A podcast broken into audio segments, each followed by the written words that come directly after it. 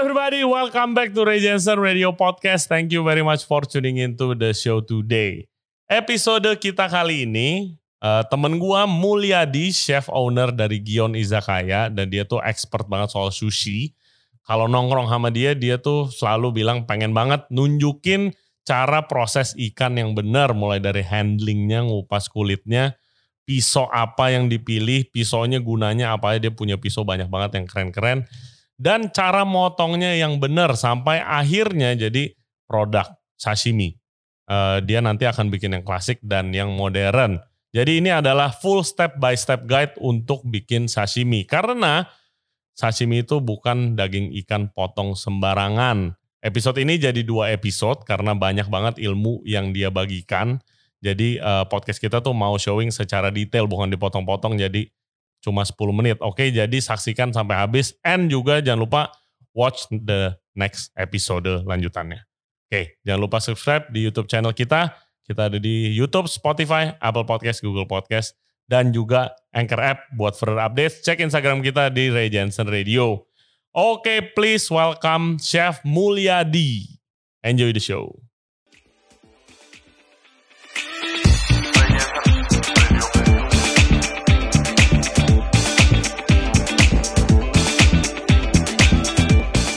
Teman-teman semua, hari ini kita ada di Bandung, tepatnya di Gion Isakaya. Kalian udah pernah ke sini kan? Kalau belum pernah, jangan malu-maluin deh. Nah, hari ini kita mau versi ini kan, pakai Japanese teknik, namanya sukibiki. Oke, okay? kalau gitu kita langsung ke kitchen sekarang ya. Let's go. Halo guys, kita udah ada di kitchen Gion nih. Hari ini kita mau bersihin salmon, oke? Okay? Nah, di kitchen Gion tuh udah ada fish sink. Nah, ini memang uh, sink yang didesain khusus untuk bersihin ikan atau nggak seafood yang lainnya. Nah, kebetulan hari ini salmon itu kita mau pakai teknik uh, Japanese yang namanya sukibiki.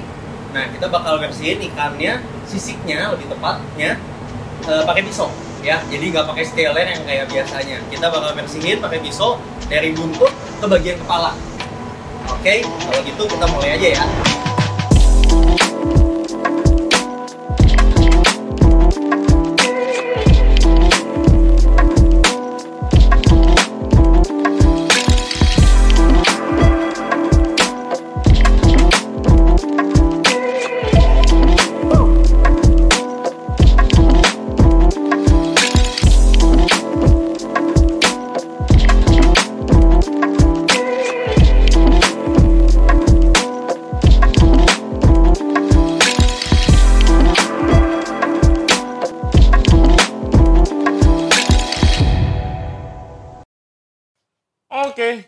Are back. Hello everybody. Welcome back to the show. Kita sekarang ditemenin sama Chef Mulyadi dari Gion Izakaya. Halo saya. Ohayo gozaimasu. Ohayo gozaimasu. Ohayo Itu gozaimasu. artinya apa? Selamat pagi. Selamat pagi. iya. Kalau orang biasa bilang hirasaimasu, kalau hirasaimasu itu lebih ke selamat datang ya. Mm -hmm. Jadi memang kalau ohayo gozaimasu itu lebih ke kalau anak-anak kitchen biasa di restoran Jepang dulu tempat gue kerja di uh, Australia itu pasti kita ngomongnya ohayo. Kenapa? Oh. Even maksudnya masuk malam, juga Oke. Okay. Pasti ngomongnya Ohio. Berarti kayak bonjour gitu ya. ya salam aja gitu ya. ya. Bukan okay. bukan salam, selamat pagi supaya apa ya? Energinya tuh kita masih pagi nih, masih fresh gitu. Uh. Jadi pas masuk even lu shift malam Ohio gozaimasu. Oke, okay, oke. Okay. Gitu. Jadi guys, Chef Mulyadi ini dia adalah chef owner dari Gion Izakaya yang ada di Bandung. Restorannya super keren, makanannya enak-enak. Bahkan ada resep yang gue curi buat Waduh. di bar. Nanti harus gue patenin dulu nih.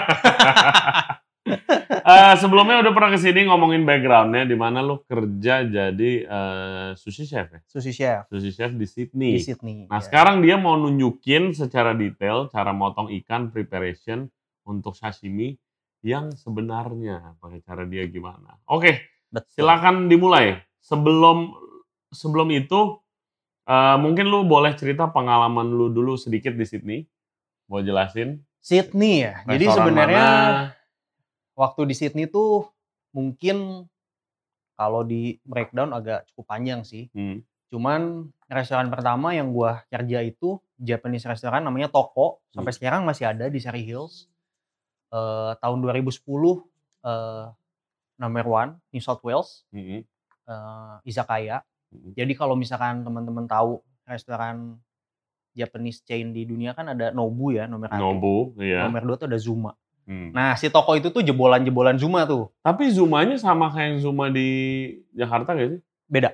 Kalau Zuma ini Di Dubai Zuma- kan? Dubai. Ya. Soalnya, oke, lu dulu nanti gue cerita. Zuma ada Zuma Dubai, Zuma Turkey kayaknya, Zuma Hong Kong, Hmm, London. Di London tuh Zuma sister company-nya ada Roka oke. Gitu. Gue tuh Zuma, ya gue belum pernah makan di Hmm. semuanya. Eh, tapi Zuma itu chefnya pernah ke restoran yang gue dulu gue kerja di Oke. Jakarta, bar sih. Iya iya. Bar terus habis itu kebetulan kenalan, dia bilang dia chefnya Zuma. Mm-mm, Gue pikir mm-mm. itu Zuma Jakarta dong. Mhm, Oke, oh ternyata Zuma chefnya orang Jepang. Terus eh, dia main-main di kitchen, eh orang kitchen gua ada yang dia demen gitu, ini kayak Ya. bagus banget nih, Iya iya. iya. ditarik ke Dubai. Oke. Ya, Zuma Dubai. Dubai doing very well sih. Ya. Dia kayaknya kalau award UAE pasti ada top 10 top Ya, 5. dia megang Robata yakinya. Ya, Gila, memang si Zuma itu tuh yang terkenal eh, Robata Yakinya. Kalau teman-teman bisa Google lihat gede banget. Dia eh, charcoal only. Oke. gitu. yes. Memang salah satu yang terbaik lah. Hmm. Eh, agak sedikit different style dari Nobu. Di mana kalau Nobu kan dia kan lebih ke Peruvian kan. Iya, ya, Nobu Giradito style. dan lain-lain. Iya, uh-huh. Kalau si Zuma tuh dia strongnya di Robata Makanan. Yakinya, Oke. yakitori basically gitu. Nah, sushi sushi chef kan maksudnya punya skill yang sangat spesifik kan dan belajarnya tahunan dan nggak gampang. Mungkin lu sekarang boleh mulai nih. Soalnya tadi lu bilang interesting.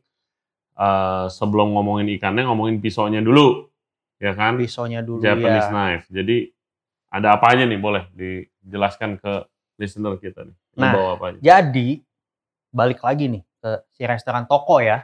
Dulu di Sydney gue tuh start as commis chef lah, bisa Hmm. dibilang uh, salad section mulai dari nol. Hmm. Di sana tuh uh, kerja, udah gitu tuh gue beli pisau dulu. Ini, Hmm, ini pisau pertama gue. Oke. Uh, Japanese knife, Yanagi, Yanagi. Yanagi, Oke. Yanagiba. Yanagiba. Ini brandnya Masamoto. Hmm. Masamoto bisa dibilang eh, salah satu brand yang eh, cukup terkenal lah di antara chef Jepang. Ada Hmm. Masamoto, Eritsugu, ada yang mahal tuh namanya Nenohi. Nanti Oh. kita ke sana. Jadi dulu waktu di salad section, duh gue tuh pengen banget nih kerja sushi, eh, jadi sushi chef. Pengen megang ikan gitu. Iya, ya. kenapa sih mau jadi sushi chef? Soalnya dulu ada teman gue yang di sushi bar, orang Filipin, dia tuh kayak, lu belajar sushi. Emang kenapa? Sushi chef tuh gajinya lebih tinggi, dia bilang. Ah. Ya kan masih muda kan, wah duit banyak nih. Hmm. Jadi akhirnya udah gitu, eh, gue pengen tuh jadi sushi chef. Tapi emangnya bener sushi chef gaji lebih tinggi? Eh, yes and no sih. Oh, oke. Ya yes and no. Eh, depends.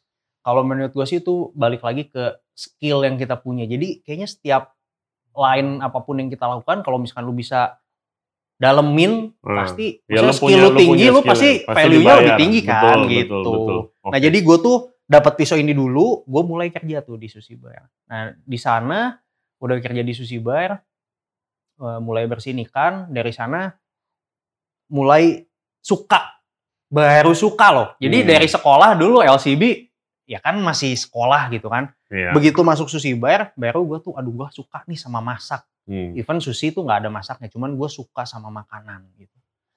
Jadi dari sana lanjut ke Nobu di Melbourne. Nobu eh, ini gue ceritain yang di sushi barnya aja ya. Iya. Dari Nobu gue pindah ke Sokyo, Hmm. which is di mana ketemu Freddy. Hmm. Freddy dulu di Hot Kitchen, gue di sushi bar. Nah jadi pisaunya ada Yanagi satu, Iya. nyombong dikit boleh lah ya. Boleh dong.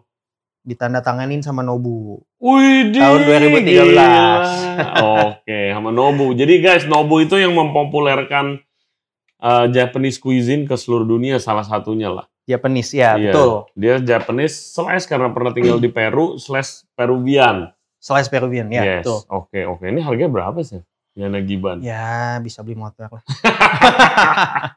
Jadi, bekas bekas. Kan Japanese kan Japanese knife itu kan uh, ya kalau sekarang kan uh, udah punya duit dikit pengen nih punya Japanese knife chef kan. Tapi Iya. kan Japanese knife itu spesifik kegunaannya. Spesifik Iya, beda-beda. Yana Giba ini kegunaannya apa? Yanagi ini dia untuk eh, slicing ya, untuk sashimi Hmm. kebanyakan. Jadi bentuknya juga kalau misalkan ini panjangnya 30 cm, Hmm. eh sebenarnya sih lebih enak agak pendek sih.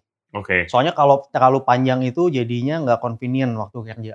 Jadi Cuman- yang buat nge-slice begini gitu, Iya, terakhir iya. sushinya, eh apa Jadi- sashimi gitu. Nge-slice-nya mulai dari ujung sini sampai sini Oke, oke. gitu. Kan gue lihat ada yang Nah, samurai itu. itu itu ada dua nih. Ini nggak tahu mana yang benar, mana yang salah ya. Cuman Hmm. memang kalau chef yang ilmunya udah lebih tinggi, Hmm. mereka tuh tend to uh, use either longer knife atau enggak shorter one. Oh. Jadi shorter itu 21. Hmm. Kayak itu statement doang deh kayaknya. Buat Enggak. gaya doang kayaknya. Nah, ada lagi yang 33, 37. Hmm. Memang kan kelihatannya samurai gede kan. Pakainya susah, iya iya. pakainya nggak gampang. Lu lu follow itu gak sih? Ada, gua nggak tahu sushi apa namanya di Tokyo yang pas lalu pakai bow tie. Iya, yang botak, Yang botak. sushi. Iya. Iya. Itu kan dia pisaunya atraksinya kan Iya. itu banget kan, Iya. gede gitu kan. Oke oke. Kalau misalkan sushi pendek tuh kenapa pendek? Kelihatannya tuh lebih lebih agile, cuman lu susah motongnya. Soalnya kan nggak panjang. Jadi Hmm. once lu slice, kalau pisaunya nggak tajam, Hmm. sama kita nggak ngerti itu jenis eh, besinya apa, itu nggak habis gitu. Oke, Jadi oke. potongannya nggak habis buat si potong eh, sashiminya. Emangnya beda jenis besi apa? Maksudnya efeknya apa ke pemotongan? Eh, durability Oke. nomor satu. Soalnya kan kita nggak ngomong motong sekali ya. Kalau Hmm. servis kan kita motongnya Ya, banyak ikan. ribuan kali, Kalau iya. cuma sekali-sekali doang mah beda lah. Eh, kita ngomongin we talk about eh, professional chef Oke. oke. gitu. Nah, Lanjut. next one ini namanya eh, Japanese style. Jadi bentuknya bisa kelihatan ada ininya. Hmm, Jadi lebih tebal juga ya. ya belakang lebih tebal ya. Ya, lebih tebal. Nah, ini yang kedua ini gyuto. Gyuto itu chef knife. Ya, itu ya western chef knife lah. Bil. Ya, Ya, ini ya. western chef knife. Segala bisa. Segala bisa. Iya. eh lebih tipis juga tuh kalau misalkan bisa kelihatan. Mm-mm. Kalau teman-teman mau beli chef knife, eh, bisa cari yang steelnya itu sampai belakang. Hmm, biar nggak copot, nggak gampang patah. Lebih bagus kualitasnya. Hmm, hmm, hmm. Apa sih bedanya? Kalau ini besinya Aoko. Aoko tuh blue steel. Hmm. Ada lagi Sirocco. Sirocco itu White white, steel. steel. Japanese white steel. Bedanya apa sih sama stainless? Kalau stainless tuh ada kandungan eh, stainlessnya. Jadi dia Hmm. nggak akan karat. Hmm. Kalau misalkan dia ini kena acid atau enggak kita udah pakai Lupa ngeringin. lupa ngeringin pasti ada karat Kerat. gitu. Yes. Nah Lanjut. ini Gyuto. Mm-mm. Ya. Jadi yang bakal kita pakai Yanagi, Gyuto. Next untuk eh, filleting kita pakainya Deba. Hmm. Nah Deba kebetulan ada dua nih. Nah ini gue baru belajar nih guys kemarin. Biasanya gue pakai yang western style yang fleksibel kalau fillet knife. Ini Deba. Deba. Ini ada dua. Nah ini Deba ada dua. Ini cuman beda ukuran aja. Cuman yang bisa dilihat beda handle. Hmm. Ya ini handle-nya lebih Bulat. kalau bahasanya tuh D-shape. Hmm. Jadi dia agak ada coaknya di sini. Hmm. Kalau yang ini heksagonal. Oke. Nah, western filleting knife kayak gini, dia fleksibel Hmm. besinya. Eh, kenapa sih pakai deba? Soalnya deba tuh nomor satu dia bisa potong tulang. Hmm. Ya, kita kan kalau filleting Tebel dia kan. Iya. Nah, bisa pakai potong tulang. Hmm. Dan deba itu bisa dibilang eh, cukup fleksibel ya untuk Hmm. potong. Nanti pas eh, apa namanya? Pas mulai sesi filleting, gua kasih tahu juga gimana sih cara filletingnya gitu Hmm. untuk pakai si Japanese knife gitu. Jadi deba eh, memang lebih pendek. Deba tuh eh, size-nya 18 gitu. Itu pas sih. Jangan terlalu panjang. Kalau terlalu panjang soalnya kan dia kan maunya ngambil deba tuh apa ya? Sebenarnya ujungnya kontrol. doang. Iya. Iya. Nah. Jadi kalau terlalu panjang kan Iya, susah, susah, kontrol kan. susah. Kita ini good size gitu. Nah, jadi ini ada eh, yang heksagonal. Biasa tuh kalau pisau Hmm. eh, Japanese knife hexagonal hexagonal handle tuh lebih banyakkan brand mahal yang pakai Hmm. heksagonal. Contohnya kayak Nenohi. Iya. Kalau Nenohi itu mungkin udah kayak yang aduh kalau kalau mobil mah supercar-nya lah gitu. Hmm. Lambo-nya lah gitu. Premium. Premium banget. Dia satu pisau bisa ya handle-nya aja tuh bisa kayak 1000 dolar.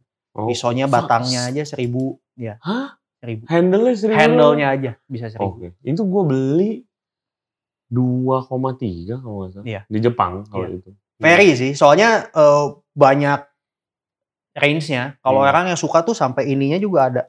Iya ada ada warna-warnanya. Iya, ini kan beda nih. Iya. ini satu hitam yang satu Koper eh, gitu. ya Mm-mm. ini tuh dari tanduk apa gitu gue udah Hmm, lupa udah lama banget Lalu koleksi juga dong pisau-pisau. nah dulu gue koleksi Hmm. cuman unfortunately knife box gue pernah hilang Oke. saking capeknya kerja ketinggalan Hmm.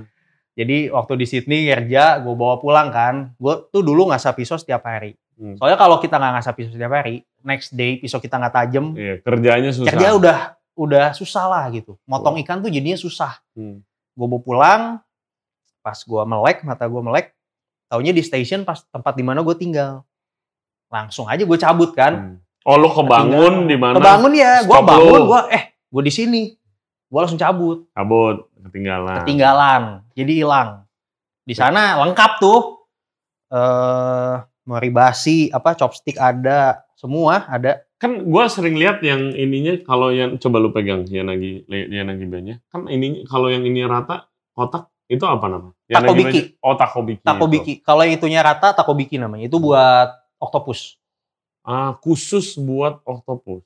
Yang enggak juga sih, tapi sih diperuntukkan. untuk, eh, untuk octopus. Jadi ada juga eh, chef-chef yang pakai takobiki untuk eh, apa namanya untuk sashimi juga. Biasa kalau ada lagi buat fugu. Kalau fugu dia lebih tipis. Hmm. Ininya lebih tipis. Ini bahkan ada yang khusus Japanese knife cuma buat motong il. Iya, Yang ada juga. yang tipis banget tuh. Iya. Khusus kan pisaunya juga tuh. Iya. Gila sih. Untuk il. Kalau il sih bentukannya lebih kayak debat, cuman lebih kecil lagi.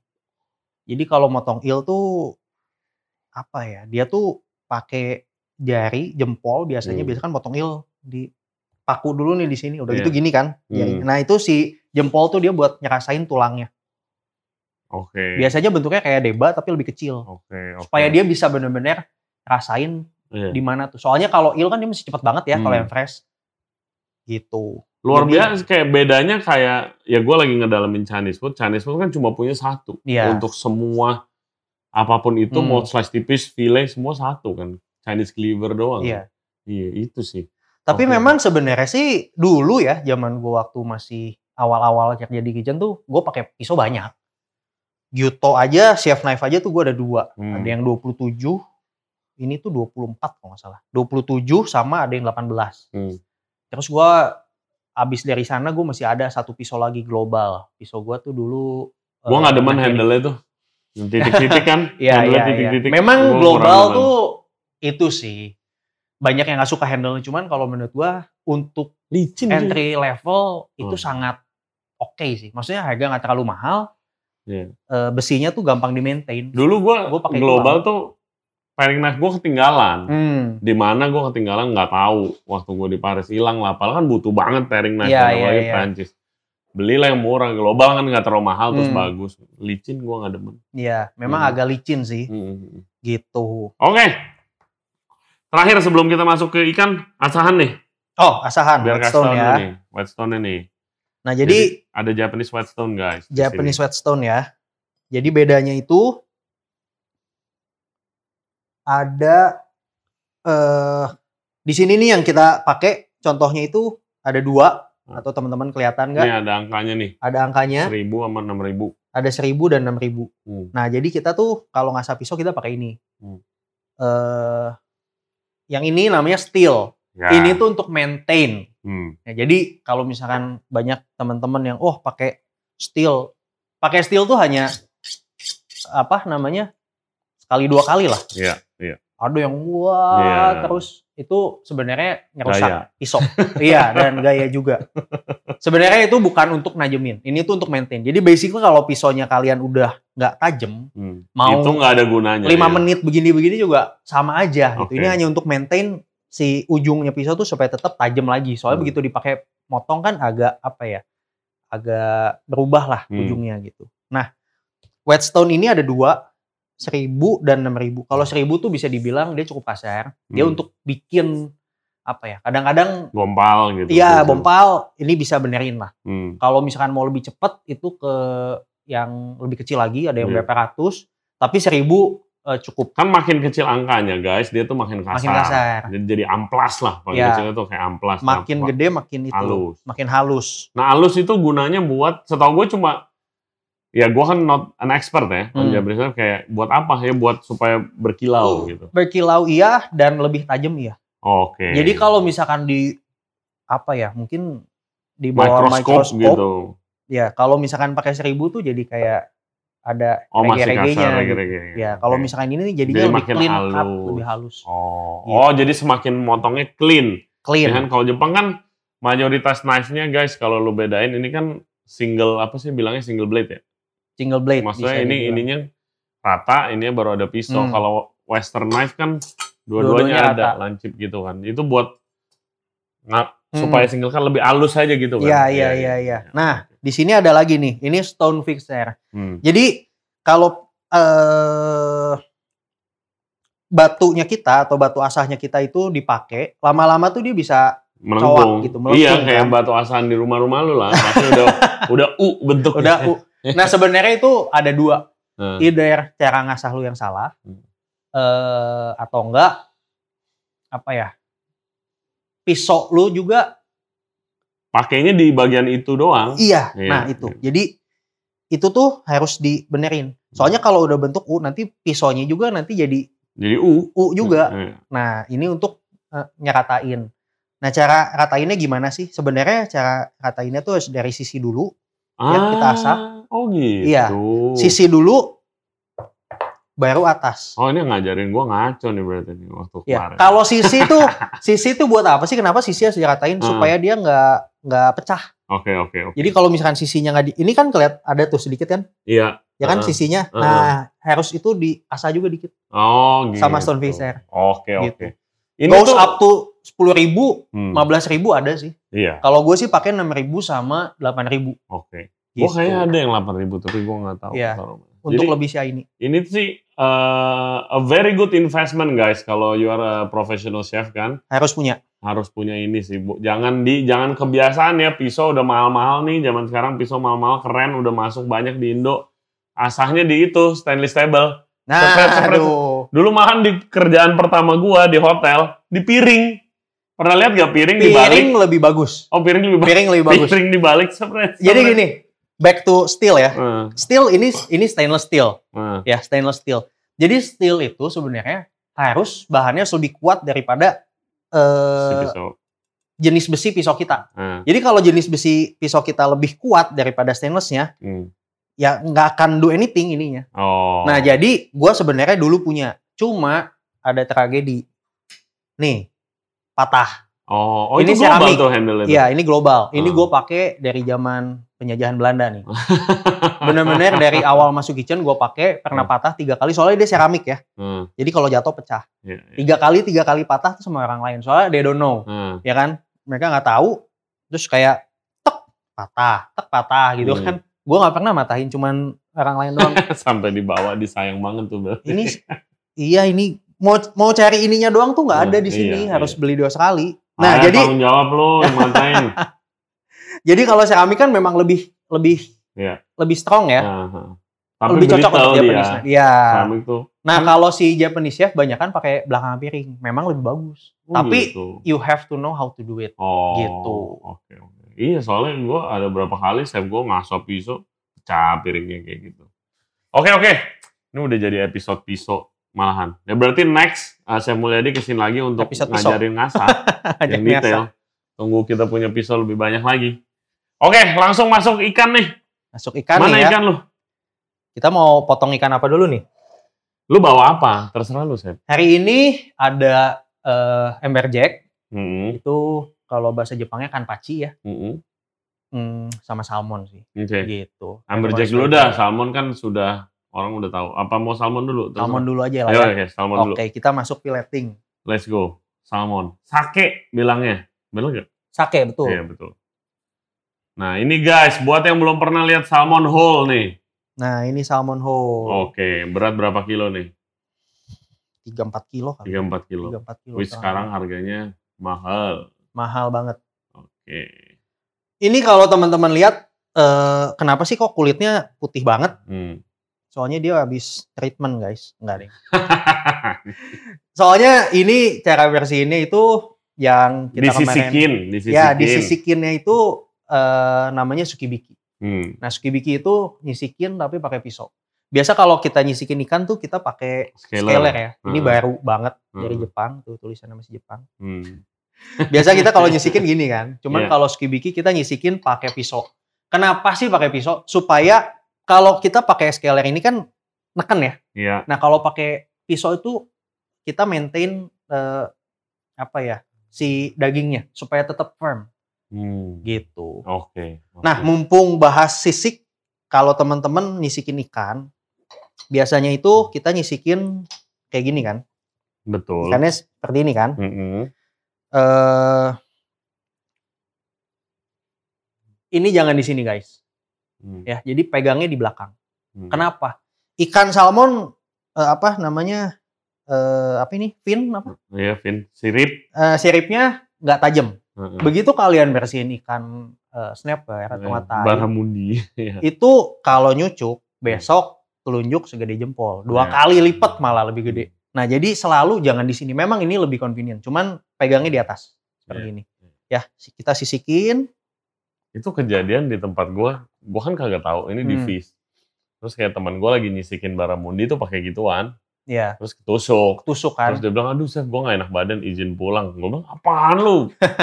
mau jadi mau jadi chef gak? Gue bilang ketusuk doang izin pulang. Gak lama setelah seminggu kemudian gue yang ketusuk. Anjing iya langsung enak badan. Iya Oke. oke oke oke oke. jadi kita potong ikannya nah kalau salmon itu memang tulangnya agak sedikit lebih eh, empuk ya daripada Hmm. ikan yang lain Mm-mm. ini bakal gua heads off langsung jadi bakal eh, kita potong dua fillet langsung Siap. ya. nah jadi gampangnya gimana sih kalau misalkan tahu ikan motongnya gimana nah banyak orang yang motong tuh rata gini ya nah Hmm. jangan rata kita bentuknya segitiga ikutin bentuk ikannya. iya Betul. kadang-kadang Iya. kalau rata gini kan sayang kan ada yang Hmm. kemakan gitu Oke. ya nah kalau salmon gue bakal motong langsung dari sini Hmm. Soalnya dia eh, bisa dibilang sorry ini masih ada dalemannya nah ini dalemannya tuh memang dikasih tisu. Untuk apa sih? Supaya aduh gimana ya? Bentar ya dibalikin dulu. Supaya teman-teman bisa lihat. Nah ini di dalam tuh ada ada sedikit apa ya darah. Nah Darah. si tisu itu tuh buat ngambil darahnya. Hmm. darah tuh yang bikin ikannya jadi bau. Amis. Amis Oke. Iya. Oke. gitu. Nah ini bisa dipotong dari sini juga atau enggak dari sebelah sana juga sebenarnya bisa sih. Ya. Nah, dapat kepala salmon. Nah ini dapat kepala salmon kita bikin nanti jadi apa biasanya grill. grill, grill kepala Atau salmon, di tim. sos tapi, padang. Tapi ya. tapi di grill di grill sih top sih. Eh gue mau nanya. Tadi kan gue lihat nih. Ini tuh kalau kalian notice, lu kasih lihat insangnya deh, eh, Mul. Insangnya nih. Nah, ini insangnya ya. Kenapa lu nggak take out insangnya?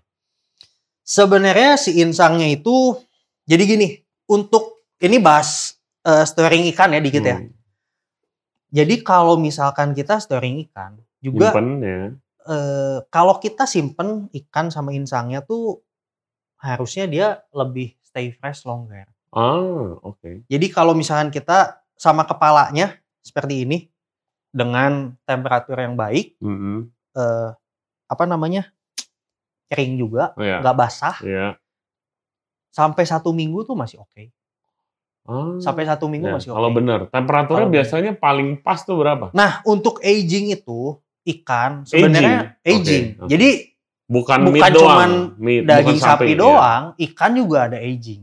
Hmm. Aging ikan itu Apakah gunanya sama? Sorry gue Kegunaan potong. sama. Kayak apa? Aging di mana lu apa kandungan airnya kan lu pengen buang. hmm, Jadi lebih intens, lebih keras dagingnya lebih, lebih, firm, teksturnya lebih enak, rasa Kalau- ikannya lebih naik karena kalau air. ikan sih rasanya pasti lebih naik. Hmm, Cuman in terms of texture mungkin dia lebih fragile ya. Oke. Soalnya mungkin ada enzim jadi sedikit broken down Hmm. eh, dagingnya jadi dia Oh, lebih empuk. lebih empuk Oh, sebenarnya. oke oke. Rasanya lebih kuat. Hmm. Sama balik lagi kayak kita makan daging juga banyak orang di sini yang oh gue mau makan daging Dry eh, age. dry age Iya. pasti makan. Uh kenapa bau sapi banget? Iya. Itu memang tujuannya seperti itu gitu. Betul. Tujuannya Yes. seperti itu. Sama sama kayak ikan. Jadi kalau misalkan memang yang nggak suka seafood dikasih dry bukan dry age ya jadi aging fish Iya. itu jadi pasti Tapi rata-rata sushi itu kan emang udah di aging kan rata-ratanya. Ya nanti kita akan ngomong. nanti kita omongin lebih lanjut Iya, ya. iya. Ada memang beberapa sushi bukan asal potong doang gitu mas. Bukan gua. asal potong. Mm-mm. gitu. Oke, lanjut, lanjut, Oke, file. lanjut ya. Nah, file ikan. Kita mulai file dari sisi yang sebelah sini. Oke. Kita pakai gyuto. Kalau teman-teman notice, gyuto gue tuh bentuknya agak beda. Bedanya Hmm. apa sih? Kalau misalkan dilihat dari sini, Rata. bukan rata. Oke. Sisinya cuma satu, Heeh. belakangnya nggak ada. Oh single single hand single Iya, blade juga. Single iya. blade juga. Hmm. Kenapa sih single blade untuk gyuto? Banyak kan gyuto dua dua Double kan? edge ya. double edge. Iya. Ini single edge, eh, dia lebih tahan lama. Hmm. Cuman jeleknya dia kalau motong suka masuk ke dalam gini. Ya, jadi, Jadi kalau disuruh motong kayak bentuk sayur baton miring nih, iya. iya agak miring. Cuman Miring. kalau gue udah biasa Nah, gitu. Dulu waktu awal-awal agak susah sih gitu. Nah, jadi kalau misalkan kita mau motong, gimana sih pegang pisau? Nomor satu pegang pisau di sini deket banget sama pangkalnya, hmm. telunjuk ke depan. Kenapa telunjuk ke depan? Eh, kontrolnya lebih lebih bagus. Jadi Hmm. kalau untuk peg eh, filleting ikan ini pegang di sini, tapi bisa juga di belakang. Nanti dijelasin. Eh, gua gua keinget lu eh, guys kalau nonton episode Mulyadi sebelumnya cita-cita dia tuh pengen buka sekolah masak. Iya. Banget. Emang itu sih. Emang itu Gua, ya? gua berasa jadi murid lu nih sekarang. Penjelasannya top banget. Lanjut Sep, lanjut Oke. Sep. Nah, untuk motong ikan, yang kita pakai tuh pisau bagian sebelah sini nih, Oke. ya. Bukan bukan Hmm. ini. Jadi yang kita pakai potong itu sebelah sini. Hmm. Tipnya itu untuk eh, nyerasain tulang ada di mana. Bawah tuh biasa kita pakai untuk eh, apa namanya? potong tulang. Hmm, Cuman gua nggak akan potong tulang pakai ini, soalnya dia bakal rusak. terus. Nanti kita potong tulang pakai deba. Cuman di sini salmon tulangnya agak sedikit lembek, jadi should Hmm. be okay. Jadi kita mulai masuk dari sini, Hmm. Ya, Dari pakai atas. sebelah sini. Mm-mm. masuk ke dalam. Nah, ujungnya tuh kita rasain tulangnya ada di mana sih? Hmm. Ya. Mungkin kalau teman-teman pertama kali motong ikan atau enggak yang eh, apa baru belajar, pasti ada rasa takut nih buat motong ikan. Cuman keep, keep in mind kita in charge, Hmm. ngerti? Ini ikan, dia Hmm. diem, Hmm. kita yang potong. Jadi jangan jangan terlalu takut. Dulu gua dua jam pertama. Gitu. Jadi kalau terlalu takut itu jadinya ya nggak kepotong-potong gitu. Iya. Yang paling bagus tuh motong dua kali, tiga kali cut. Kalau takut malah hancur ikan lu Betul. ya. Ini udah kebuka. Nah kita baru eh, rasain tulangnya. Nanti ada bunyi tak tak tak tak tak tak, tak, tak. Nah gitu kan. Hmm. Terus. Nah ini udah mulai ke tulang. Ya. Yang depannya belum. Dah, udah gitu kita potong sebelah sini.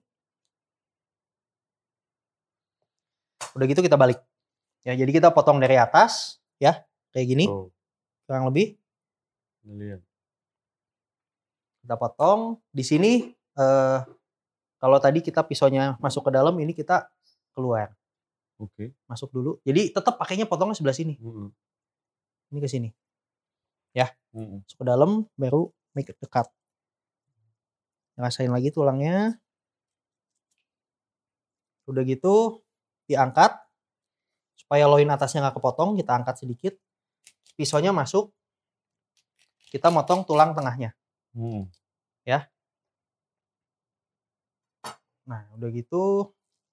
Dan, Sah. Mantap. oke. Kalau salmon, Mm-mm. ini gua ajarin shortcut. Shortcut nih. Mm-mm. Oke. Trik guys. Soalnya tulangnya bisa dibilang lunak ya Hmm. dibanding ikan yang lain. Lebih lunak. Lebih lunak. Eh, kita bisa potong langsung dari sini. Oh, oke oke. Kenapa yang begini itu gue lihat tuh chef Japanese chef doang. Kalau gue diajarinnya kan dibalik lagi kan. Dibalik lagi. Iya. eh soalnya mungkin Japanese chef memang dari awal gue kerja di restoran Jepang, Hmm. nomor satu itu yang selalu diingetin di kitchen tuh speed Hmm. sama Iya. sharp knife. Hmm. Tapi sebenarnya sharp knife doang nggak cukup sih. Sharp hand, sharp eye, semua itu harus sharp. Hmm. Jadi sharpness sama eh, speed Oke. gitu. Nah, ini taruh sini dulu. Untuk abis filleting ikan, kalau misalkan begini salah guys. Jadi skin itu sebenarnya eh, ada bakterinya. Hmm. Jadi kalau kita mau taruh ikan harus skin to skin. Oh gitu. Iya, Oke, skin to skin. Jadi Hmm. eh bukan meat to meat ya, Meat to skin meat. to skin gitu. Meat Ini to meat. daging sama ketemu daging. Nah, ini tulangnya bisa kita potong di tengah Hmm. supaya gampang buangnya Atau lu jadikan sup. atau dijadiin sup. Cuman biasa kalau salmon gak dijadiin sup. Biasa sup itu white fish, Hmm. snapper. Oke. Soalnya kalau ini dia ada baunya ya. Fatnya. Ya. Oke. Oke. Nah, ini bakal kita bersihin ikannya dua-duanya. Hmm. Balikin lagi. Nah ini ada beberapa section kan. Nah gue tuh gue belum pernah lihat chef ngolah ikan dari whole atau begini udah di file nih jadi kayak sushi loin gitu loh. Hmm, Hmm. iya. Nah, ini ada memang ada beberapa section. Hmm. Ini kita bersihin dulu. Soalnya ini masih ada finnya ya. Iya. Jadi kita bersihin dulu.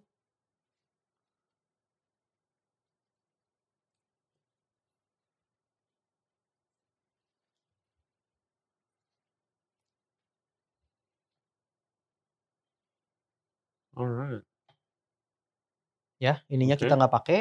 Hmm. Udah gitu kita balik. Jadi, fin di bawah juga kita nggak pakai. jadi lu perhatiin ya guys, eh, yang nonton YouTube nih, lihat kayak dari tadi ikan whole ada beberapa bagian yang nggak bisa dipakai nih salmon nih, sirip-siripnya rada susah. Jadi kenapa mahal? Ya karena banyak yang kebuang. Ya. which itu nggak bisa dijual. Kalau food cost sih maybe yang kebuang udah 50 persen. Hmm, hmm, Enggak sih, kalau salmon tuh 37 lah. oke. Eh fin Oke. ini juga Hmm. nggak kita buang sih. Ini bagian paling enak. Oh, Sama-sama tadi kalau kepala ikan leher, kolarnya. koler. Namanya kama. Hmm, Jadi ada kamatoro apa nanti. ya. Nah ini tuh enak banget. Biasa Ya. kan Kamachi, kama. Kalau sama cikama ya iya, kama kalau ya. di Indo biasa. sama. Kolarnya. Jadi guys, kalau beli kepala salmon, biasa di pasar kan oke beli kepala salmon. Kalau nggak dapet itunya jangan dibeli. Iya, soalnya itu yang enak. Kalau kan nanti sisanya cuma matanya doang. nah, eh finnya udah kita buang juga, Hmm, bukan dibuang, di disimpan. take out. Iya. Nah, udah gitu tinggal kita ngambil ini tuh ribnya ya. Mm-mm. Nah, ini kita ngambil ribnya. Sama, Ribnya tuh maksudnya tulang. tulang, Oke. tulang rib ikan. Ini Oke. kan harusnya ini isi intestine dia kan. Iya, iya, iya. Sama, basically kita tuh selalu potong pakai pisau bagian sini. Hmm. Ya, ya, lihat nih. Tuh, yang masuk kan bagian sini kan? Iya. Bagian sini kan? Hmm. Masuk. Kita rasain tulangnya ke belakang.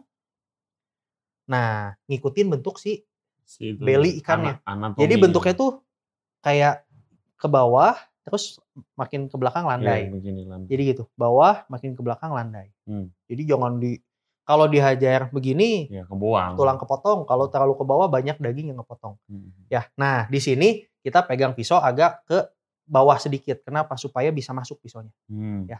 Jadi fleksibel. Balik lagi kita in charge. Masuk. Gila nih Sensei Mulyadi. Ya. Lu buka restoran sushi, eh apa sekolah sushi lah di ke sekolah ya. di Indo. Di Jepang aja dikit sekolah sushi. Oke. Oke. Nah itu lu udah buang ribsnya ya. Ribsnya udah dibuang. Kita mau bersihin skin bagian belly. Hmm. Sama. Ya. Sebenarnya kalau ikan tuh kita jangan apa ya, jangan terlalu banyak gitu motong-motongnya sekali-sekali. Ngerti nggak sih banyak kan yang pagi terus gitu Iya. berapa kali potongan itu jelek. Nomor satu ikannya jadi nggak fresh. Soalnya kan tangan kita panas ya. Hmm. Ya, I mean jarang loh. Kayak lu kan, lu kan emang udah ke expose sama culture eh, Jepang kan, yang Ya. emang treat uh, fish itu kan with respect. Kayak kalau di Indo kan banyak restoran yang kayak kalau di Western pun nggak diajarin cara motong begini. Pokoknya lu cuma diajarin yang harus di, yang dibuang bagian ini. Hmm. Lu nggak di actually ajarin kayak oh motongnya sekali aja ya, jangan jangan berkali-kali nanti dagingnya oxidize atau apa gitu. Ya, ya, ya, gitu. ya. Oke, yang ini kita put aside dulu lah ya. Yes.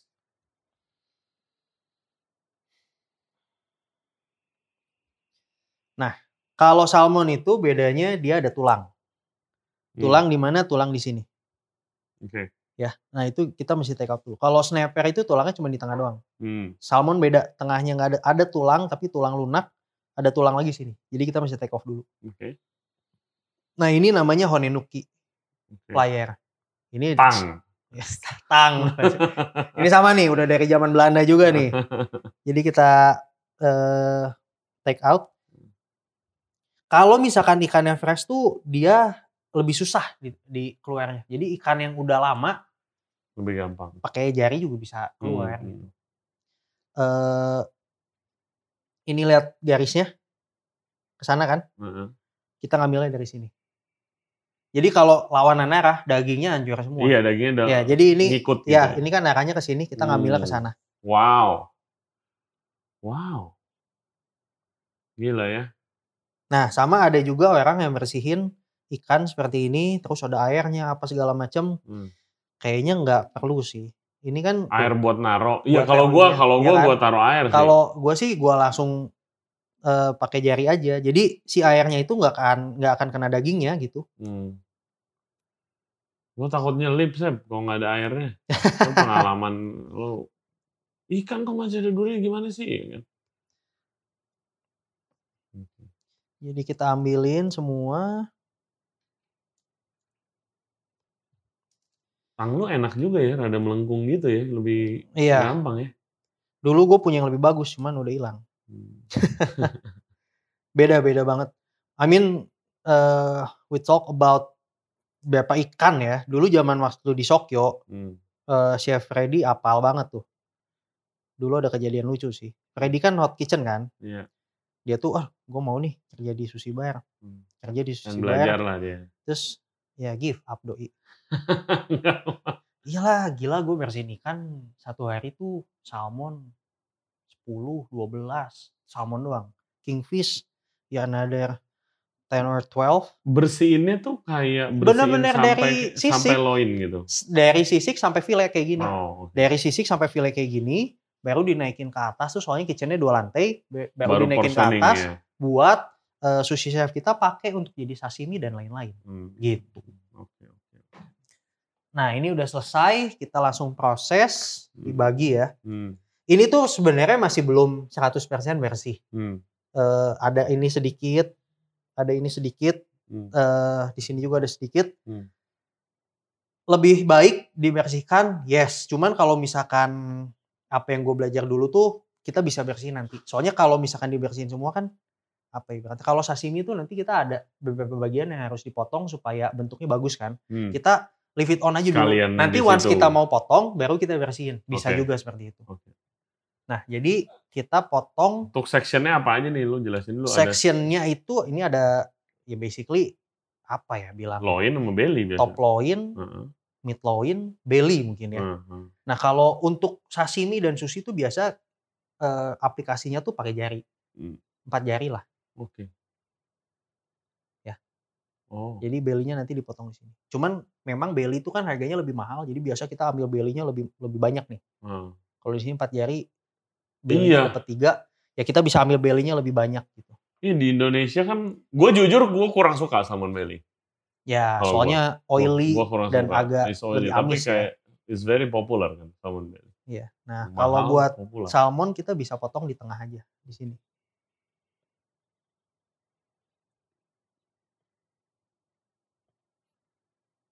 Oke. Ya. Mm-mm.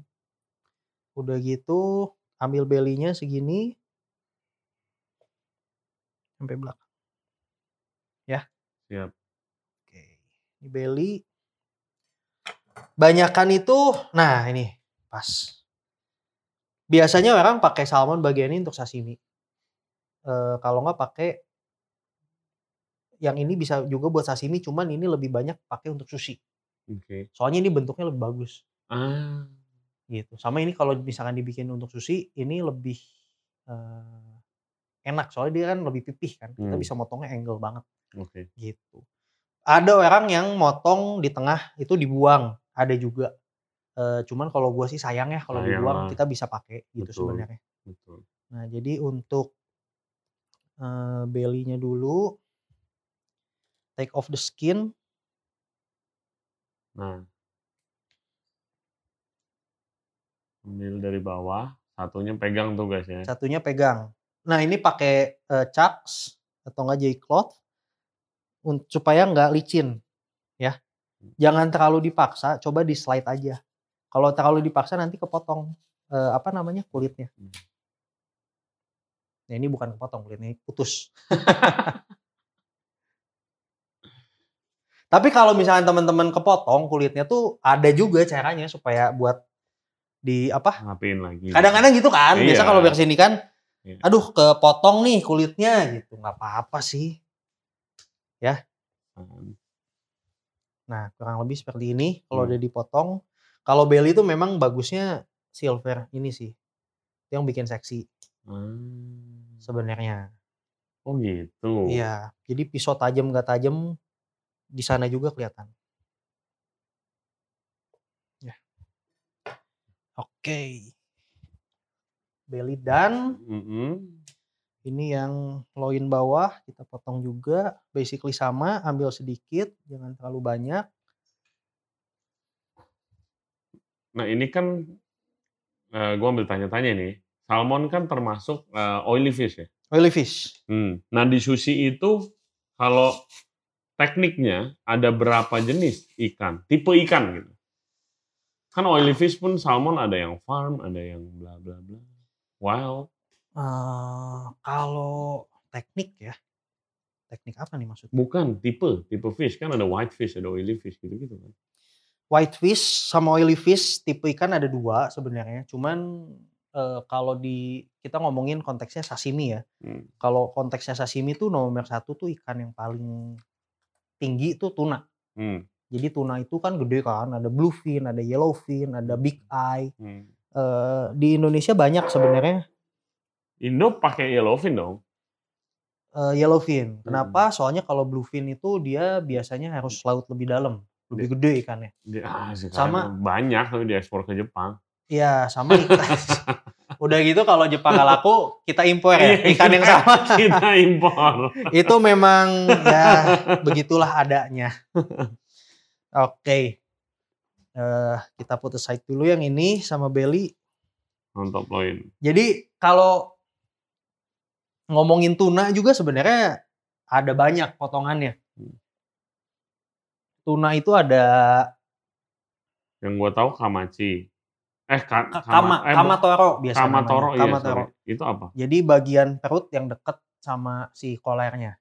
Kamatoro. Dia Oke. bentuknya kalau dilihat sekilas tuh kayak daging, Tapi kayak itu, daging wagyu. tapi itu jarang banget. Jarang banget eh dan sangat mahal. Soalnya cuman kecil banget kan Hmm. bagiannya tuh cuman kalau dari bagian eh, toro tuh ah paling cuman be- beberapa potong lah gitu. Cuman kalau tuna tuh completely different cara potong sih. Hmm. Nanti next mungkin kita minta whole tuna kita potong. Kalau ada duitnya, Kalau ada duitnya. gede banget ikannya bro. Sama gua harus beli itu, Japanese Japanese chopping board. Japanese chopping board juga. Ada aja namanya tadi panjang kan? Asahi, Asahi chopping board. Beda dia kalau Japanese chopping board tuh dia kayak apa ya? Kayak kayak sedikit kayak karet gitu. Warnanya kan coklat muda ya. Hmm. Nah, kalau tuna kan ada akami, ada ot otoro sama chutoro bener gak? Otoro, Chutoro, Akami. Kalau Otoro tuh yang eh, full fatty. Iya. Kalau Chutoro tuh setengah-setengah. Nah itu favorit gua chutoro. Iya, setengah-setengah. Yes. Kalau akami tuh yang itunya doang, maksudnya di lain itu namanya Akami tuh lean tuna, Oh yang lean lah. ya. yang lean. ada Jadi bagiannya eh, beda. Kalau tuna kan bentuknya agak Iya. itu kan. Kayak biasa kan dijual maguro. Kalau maguro tuh biasa akami. Biasa Akami. Oh maguro doang tuh. Kalau Maguro biasa Akami. Hmm. Oke ya. Jadi Oke. clean, nggak ada apa namanya, nggak ada sisik yang ketinggalan atau nggak kulit yang ketinggalan. Hmm. Nah sebenarnya kulit ini tuh kalau di Gion di Bandung kita pakai untuk bikin eh, puff salmon skin. Salmon skin. Jadi semua sebenarnya bisa dipakai gitu. Hmm, hmm, hmm. Itu Ini enak keringin dulu. Kalau di buka resep nanti dipakai lagi di Oh. bura-bura. Oh. Oke, gue cerita dulu. Jadi waktu itu gue ke Gion pertama kali. Gue nyobain, uh, gue nyobain uh, tempura zucchini pakai tofu krim. Yes, yang gue bilang enak banget tuh. Terus gue bilang sama Mulyadi, gue mau buka nih uh, bar Jepang, boleh gak gue minta resepnya? Kan gue minta izin dulu, Sep. Nggak gue main ambil aja. Iya, santai lah. Oke, next kita mau filet hamachi. Oke. Eh, bukan hamachi, kanpachi. Sorry, Kanpachi. Emberjack. Ini beda lagi nih. Nah, hamachi itu kingfish. Hmm. Jadi kan tadi ada tuna, otoro, chutoro, akami itu bagian dari tuna. Tunanya ada bluefin, yellowfin, Yellowfin, ada big eye. Iya. Itu semua punya tekstur rasa yang berbeda juga. Di bawah dari Ini Dari- lo ngomongin dari kastanya nih ya. kayak ya Iya. kasta lah ya Iya. dari di bawah dari tuna itu mungkin ada kingfish ya. Hmm. Kingfish itu ada buri, ada hamachi, ada hiramasa, bentuknya beda. Hmm. Dia ada yang kalau buri itu dia lebih bulat, torpedo. Hmm. Kalau hamachi eh Ya apa? itu, lu tuh kasih tunjuk aja. Bukan. Oh ini, itu kan ini paci. kanpachi. Oke oke oke. Kayak gitu. Kalau kanpachi emerjack, kalau hamachi kalau di US sih orang ngomongnya yellowtail. Hmm. Jadi kalau Nobu tuh banyak tuh pakai yellowtail, yellowtail. Kalau itu di sini cuma itu cuy, kolarnya nyampe Kolarnya, kolarnya, ya. hamachi kama bilangnya. Hamachi kama ya. Nah, kalau yang kecil itu banyak kan ada di Australia namanya hiramasa. Hiramasa Hmm. kingfish. Dia lebih panjang bentuk. Yang lu bawa The kan next paci. yang gue bawa kanpachi Emberjack dari Lombok langsung baru Oh. nyampe eh, kemarin langsung ke Bandung. Nah, udah gitu the next mungkin orang Jepang tuh nggak makan salmon. Iya. The next itu whitefish. Hmm. Whitefish tuh kayak eh, snapper, Saba beda lagi Saba Freshwater. masuknya oily fish, tapi Oh, kecil kan iya, saba. Eh, Snapper Thai. ya snapper tai, kalau nggak ada ruby snapper, Hmm. kalau nggak ada tile fish, tile fish tuh amadai. Amadai itu kalau teman-teman suka lihat ada yang masih ada sisiknya tuh nggak sisiknya disiram pakai air panas banget. Hmm. Itu tile fish, amadai mahal juga. Eh the next baru ada si salmon. Tapi Hmm. orang Jepang tuh nggak makan salmon. Soalnya buat orang Jepang salmon itu bukan seafood. Dia tuh river fish. Iya. Dari sungai. Jadi mereka nggak makan. Hmm. Ada di Jepang itu namanya eh, sakura masu. Trout itu masuk. Kalau salmon itu sake. Iya. Nah, masu, sakura masu bedanya apa sih? Sakura masu itu trout yang diemnya di Jadi kan kalau salmon beranaknya di sungai kan? di sungai dia tuh dia nggak mati. dia Iya. nggak dia nggak nggak naik sungai jadi dia selama hidupnya di laut Oke. sakura masu itu dijualnya pakai pakai sertifikat harganya kayaknya bisa lebih mahal daripada tuna Kalau lu tahu gak soal salmon trout ini nih? Kan harga salmon naik nih. Hmm. Terus ada salmon trout nih. Di Jakarta sih banyak sih. Harganya lebih murah dari salmon. Warnanya beda-beda tipis lah. Lebih lebih orange sedikit. sebenarnya sih kalau misalkan yang nggak setiap hari makan trout atau salmon dikasih di, blind tasting nih ya mungkin belum Apalagi bisa kalau udah dimasak pakai saus. Iya. kan kalau di sini all about saus Iya. eh oke Sama Ci. Eh kan kan paci. paci ini kan paci Oh, lumayan gede Ganteng 5 banget ikan kilo setengah. Kenapa sih ini kasihan banget matanya dicolok? Memang kalau pegang ikan harus ini sih. Hmm. Jadi kita harus eh, tulang di sini paling gede, Hmm. kita pegang. Terus eh, bawahnya kita pegang juga. Jadi jangan sampai pegang ikan diambil buntutnya, lebih baik pegang kepalanya. Soalnya tulangnya lebih gede, dia bisa support dagingnya lebih bagus. Oke. Kalau gini nanti lebih rusak. Ah. Jadi kita pegangnya begini. Berarti Eh, tekniknya is all about preserving lah.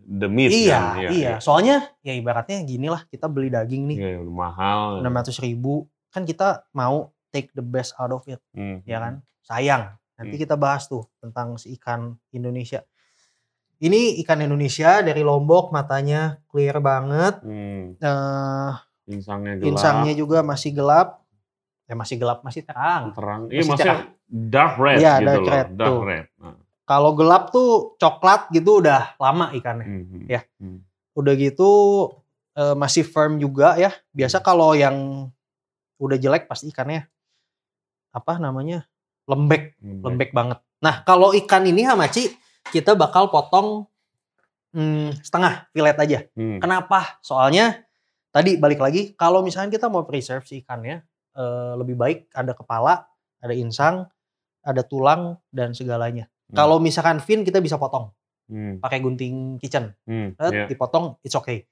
Cuman kepala dan tidak ada kepala tuh dulu gue pernah cobain di restoran gue di eh, Sydney beda. Dengan kepala bisa tujuh hari, tanpa kepala tiga hari lah. Ah, my God. Bedanya Sampai lumayan. sini, Wow jauh loh. Soalnya eh, kita harus mikirnya gini loh. Eh, kalau di Indo mungkin eh, bulan-bulan Lebaran ya susah barang. Kita kan harus stock up. Hmm. Kalau di Australia itu bulan-bulan Natal itu kita stock up. Iya dong. Jadi kita harus- gimana nih caranya untuk kita preserve. Eh bahas tentang ikan dikit ya. Hmm. Tadi kan gue bilang ada ikan torpedo tuh, Iya. kingfish, Hmm. ada bloodline. Ini torpedo kayak begini kan? Eh, ini sedikit torpedo. Iya. Ya, Iya. ini sedikit lebih torpedo. panjang. Lebih, ya, Ya, bulat, panjang, pan- bulat. panjang. Nah kalau misalkan si Snapper. torpedo itu, ya kalau sniper itu lebih pipih. Nah Pipih. kalau torpedo itu bloodline-nya lebih tebel. Hmm. Bloodline tuh apa sih? Bloodline itu sebenarnya apa ya? Ototnya dia. Heeh. Jadi kan kalau ikan torpedo kan dia makan ikan lagi biasanya. Dia Berenangnya melawan- kenceng kan? Melawan air. Ya, ya. berenangnya kenceng, Hmm. ototnya lebih banyak, Hmm. lebih Tuna makanya bloodline-nya gitu lebih kan. lebih tinggi, eh lebih lebih tebel. Hmm. Kalau snapper, snapper itu ikan males. Jadi dia tuh di coastline cuman diem gitu, kejeduk-jeduk. Makanya bloodline-nya snapper tuh tipis. Soalnya dia cuman Oke. idle aja gitu. Dia nggak yang wah Iya. berburu gitu. Dia idle gitu kalau snapper tuh ikannya. Nah bedanya itu. Nah ini kita potong sama. Hmm. Ke sini Dari kolarnya. dari kolernya. Sirip. Ya. Ini masih ada tisunya. Buang dulu.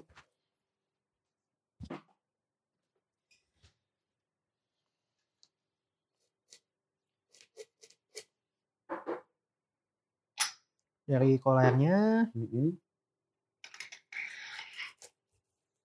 ke bawah.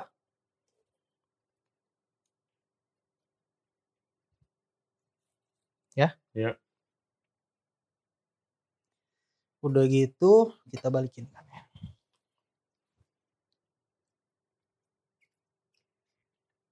Nah, sama. Eh kita masuk ke sini ke belakang sama kayak salmon sebenarnya.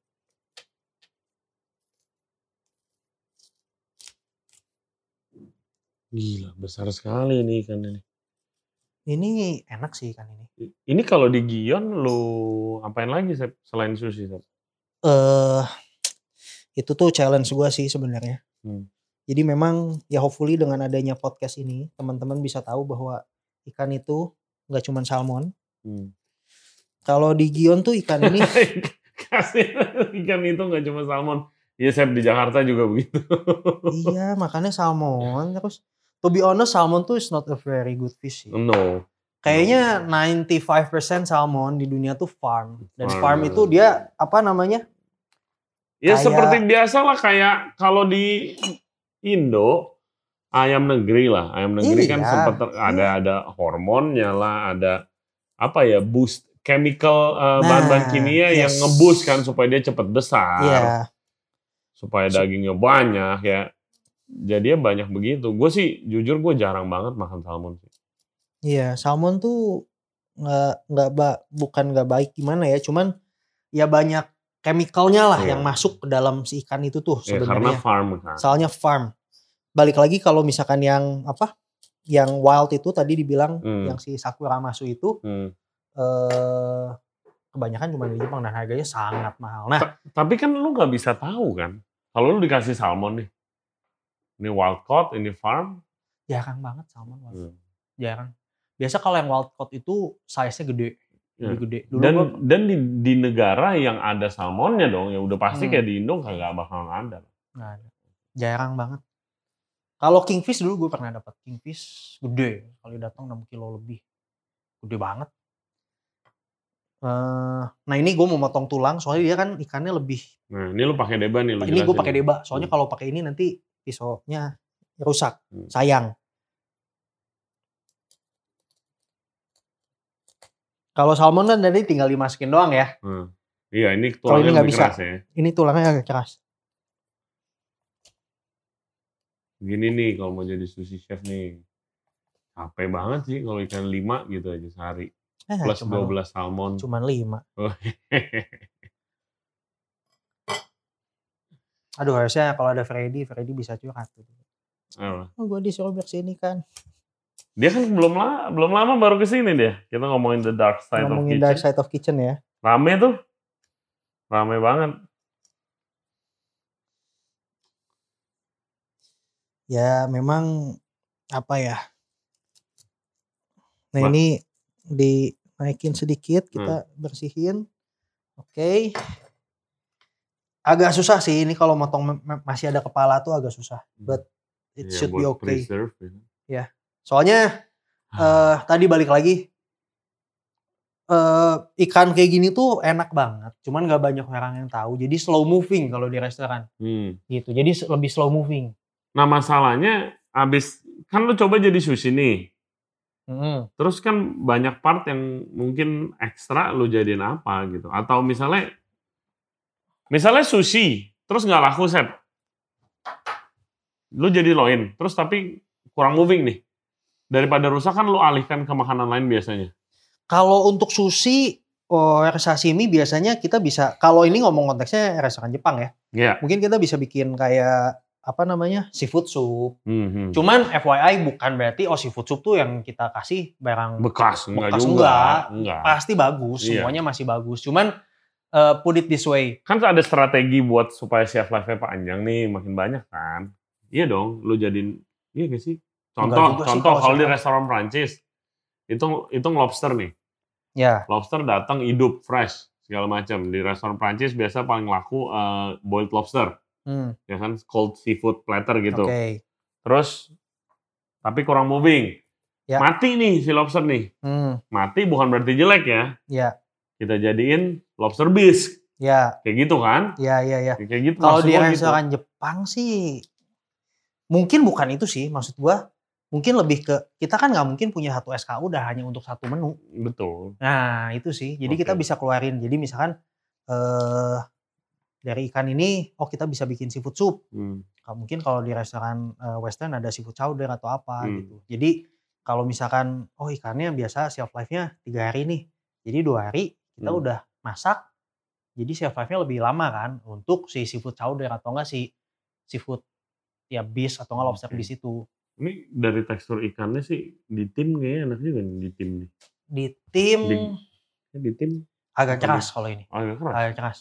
Di grill kali. Apa Di apa. grill, tapi kalau di grill eh, medium lah. Hmm. Jangan terlalu Oh, it's a matang. firm fish ya. Iya. Oke. Oke, lanjut lanjut. Lanjut, ini kita take out tulang ribsnya. By the way ini wild dong pasti kan? Ini wild. Ya. Jadi kalau di Gion itu kita setiap eh, hari Kamis Mm-mm. ada eh, supplier kita namanya eh, Bruno, orang Itali Hmm. dari Lombok. Dia Hmm. bakal telepon, kayak dia nanya, chef, gue punya ikan nih. Ikannya Wow. bagus-bagus. Udah ada seperti itu ya? Iya, ikannya bagus-bagus dia. Bruno Hmm. ikannya bagus-bagus. Ruby snapper, tuna, bonito. eh, Apakah ini yang ini. itu ikejime atau gimana? eh, kebanyakan ikan fresh ikejime. Boleh jelasin nih sekali lagi ke Nah, listener. ikejime itu apa sih? Ikejime itu cara apa ya? Cara bunuh ikan. Cara ngebunuh ikan. Jadi kepalanya tuh ditusuk sama kayak apa? Jarum. eh, Jarum panjang. panjang dari besi ya supaya dia langsung masuk. Jadi ikannya ibaratnya mati instan gitu. Jadi bisa dibilang sama sih basically kayak sapi juga ada kayak gitu kan.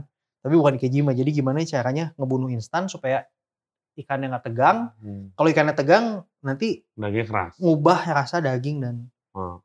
Sama Eh, bloodnya bukan sih kayak apa? Darahnya ke mana gitu. Jadi lebih awet juga gitu. Gue pernah baca. Soalnya kan jarumnya itu panjang guys. masukin kan? dari sini. Masukin dari iya eh, panjang kan. Bun, ya, ada yang Dari- masukin dari buntut. Gue Iya. pernah lihat di Sukiji. Hmm. Iya, Hmm. itu ada juga.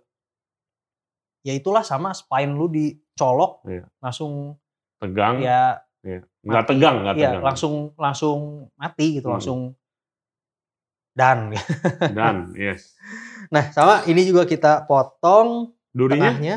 durinya Nah, ada. Kalau ini durinya di tengah. Ah. Jadi ini tengahnya kita- mesti kita buang duri. Kan kalau salmon durinya di sini. Kalau ini durinya di tengah. Jadi kita bakal buang sedikit tengahnya. Gitu. sama kalau tadi lu bilang bloodline itu ada maksudnya bagiannya gak sih Ini nih, bloodline itu nih. apa? Oke, Ini bloodline nih. oke. Yang merah atau yang putih? Yang merah. Oke, yang merah. Ini kan Mhm. kalau tuna mah tebel banget. Iya, kalau tuna kan iya. Kalau tuna tebel banget. Soalnya dia lebih lincah ikannya. Nah, kita potong tengahnya.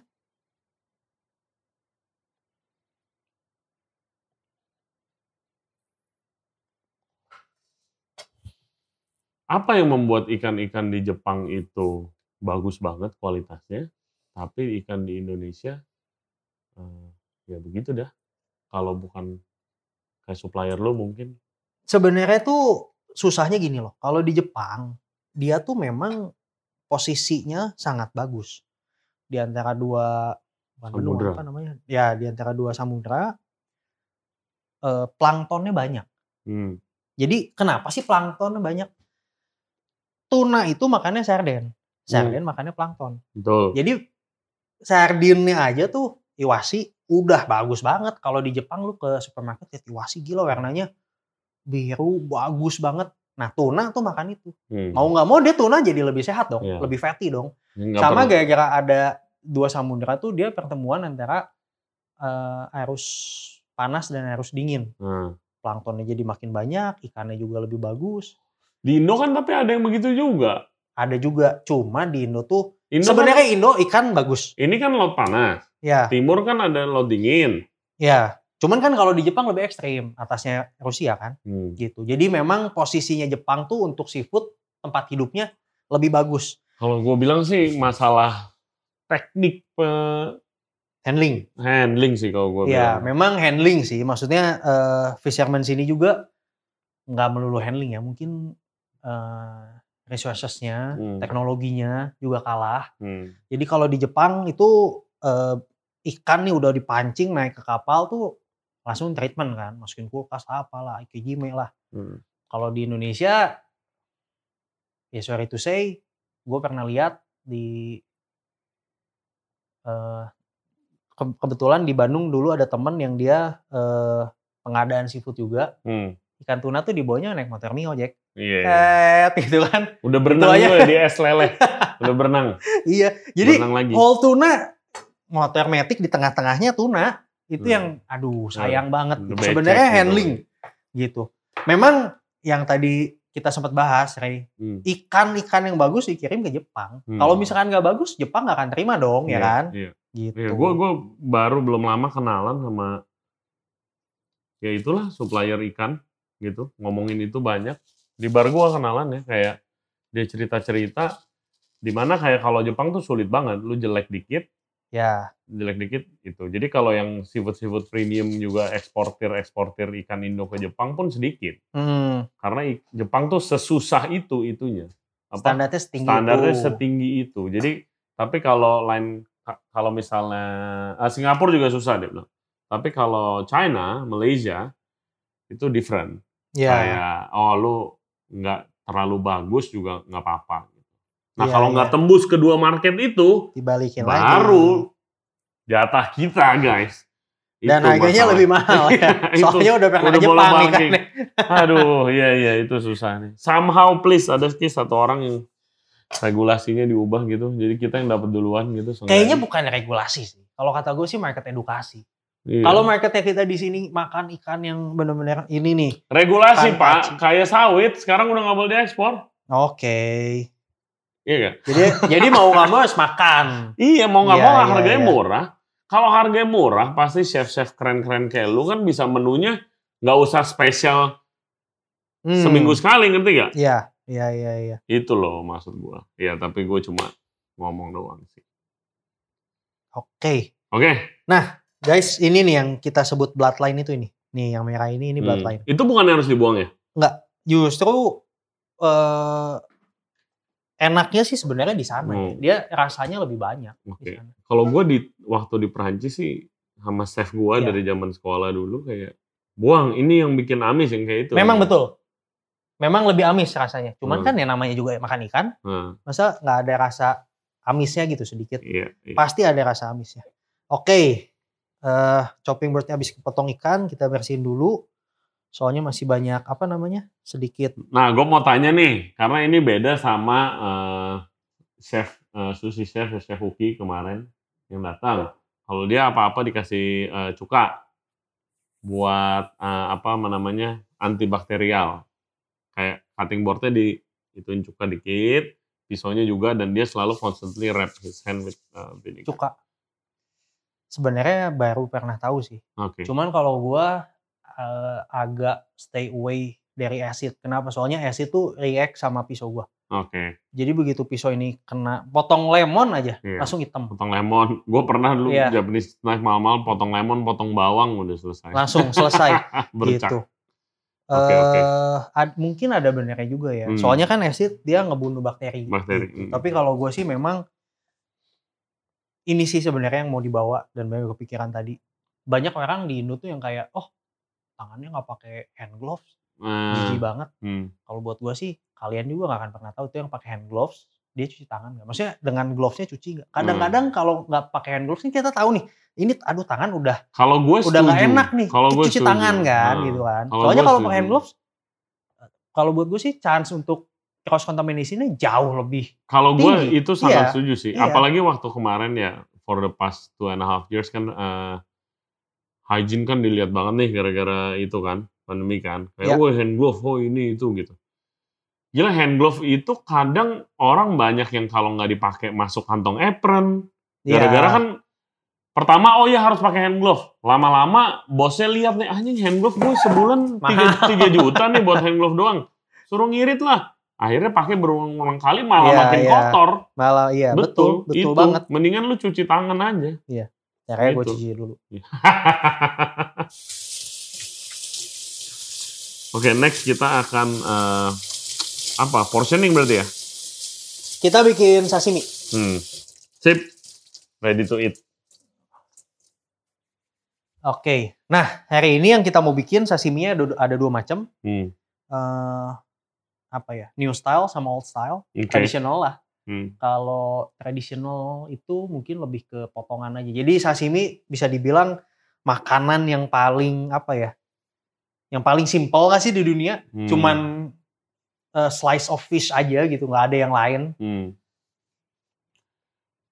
Eh kalau gitu sekalian potong ini deh.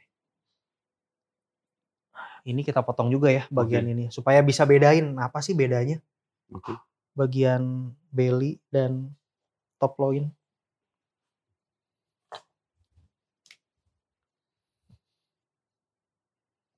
Oke guys, jadi gue diingetin sama Morrison, produser kita, itu udah masuk satu jam nih, tapi masih banyak banget belum makan sashiminya, belum motong sashiminya, dan belum discuss tentang aging ikan yang tadi kita udah diskusikan. Jadi kita close dulu, next episode kita akan makan sashiminya dan Chef Bol akan menjelaskan lagi secara detail gimana bikin sashimi yang enak, karena nggak sembarang potong.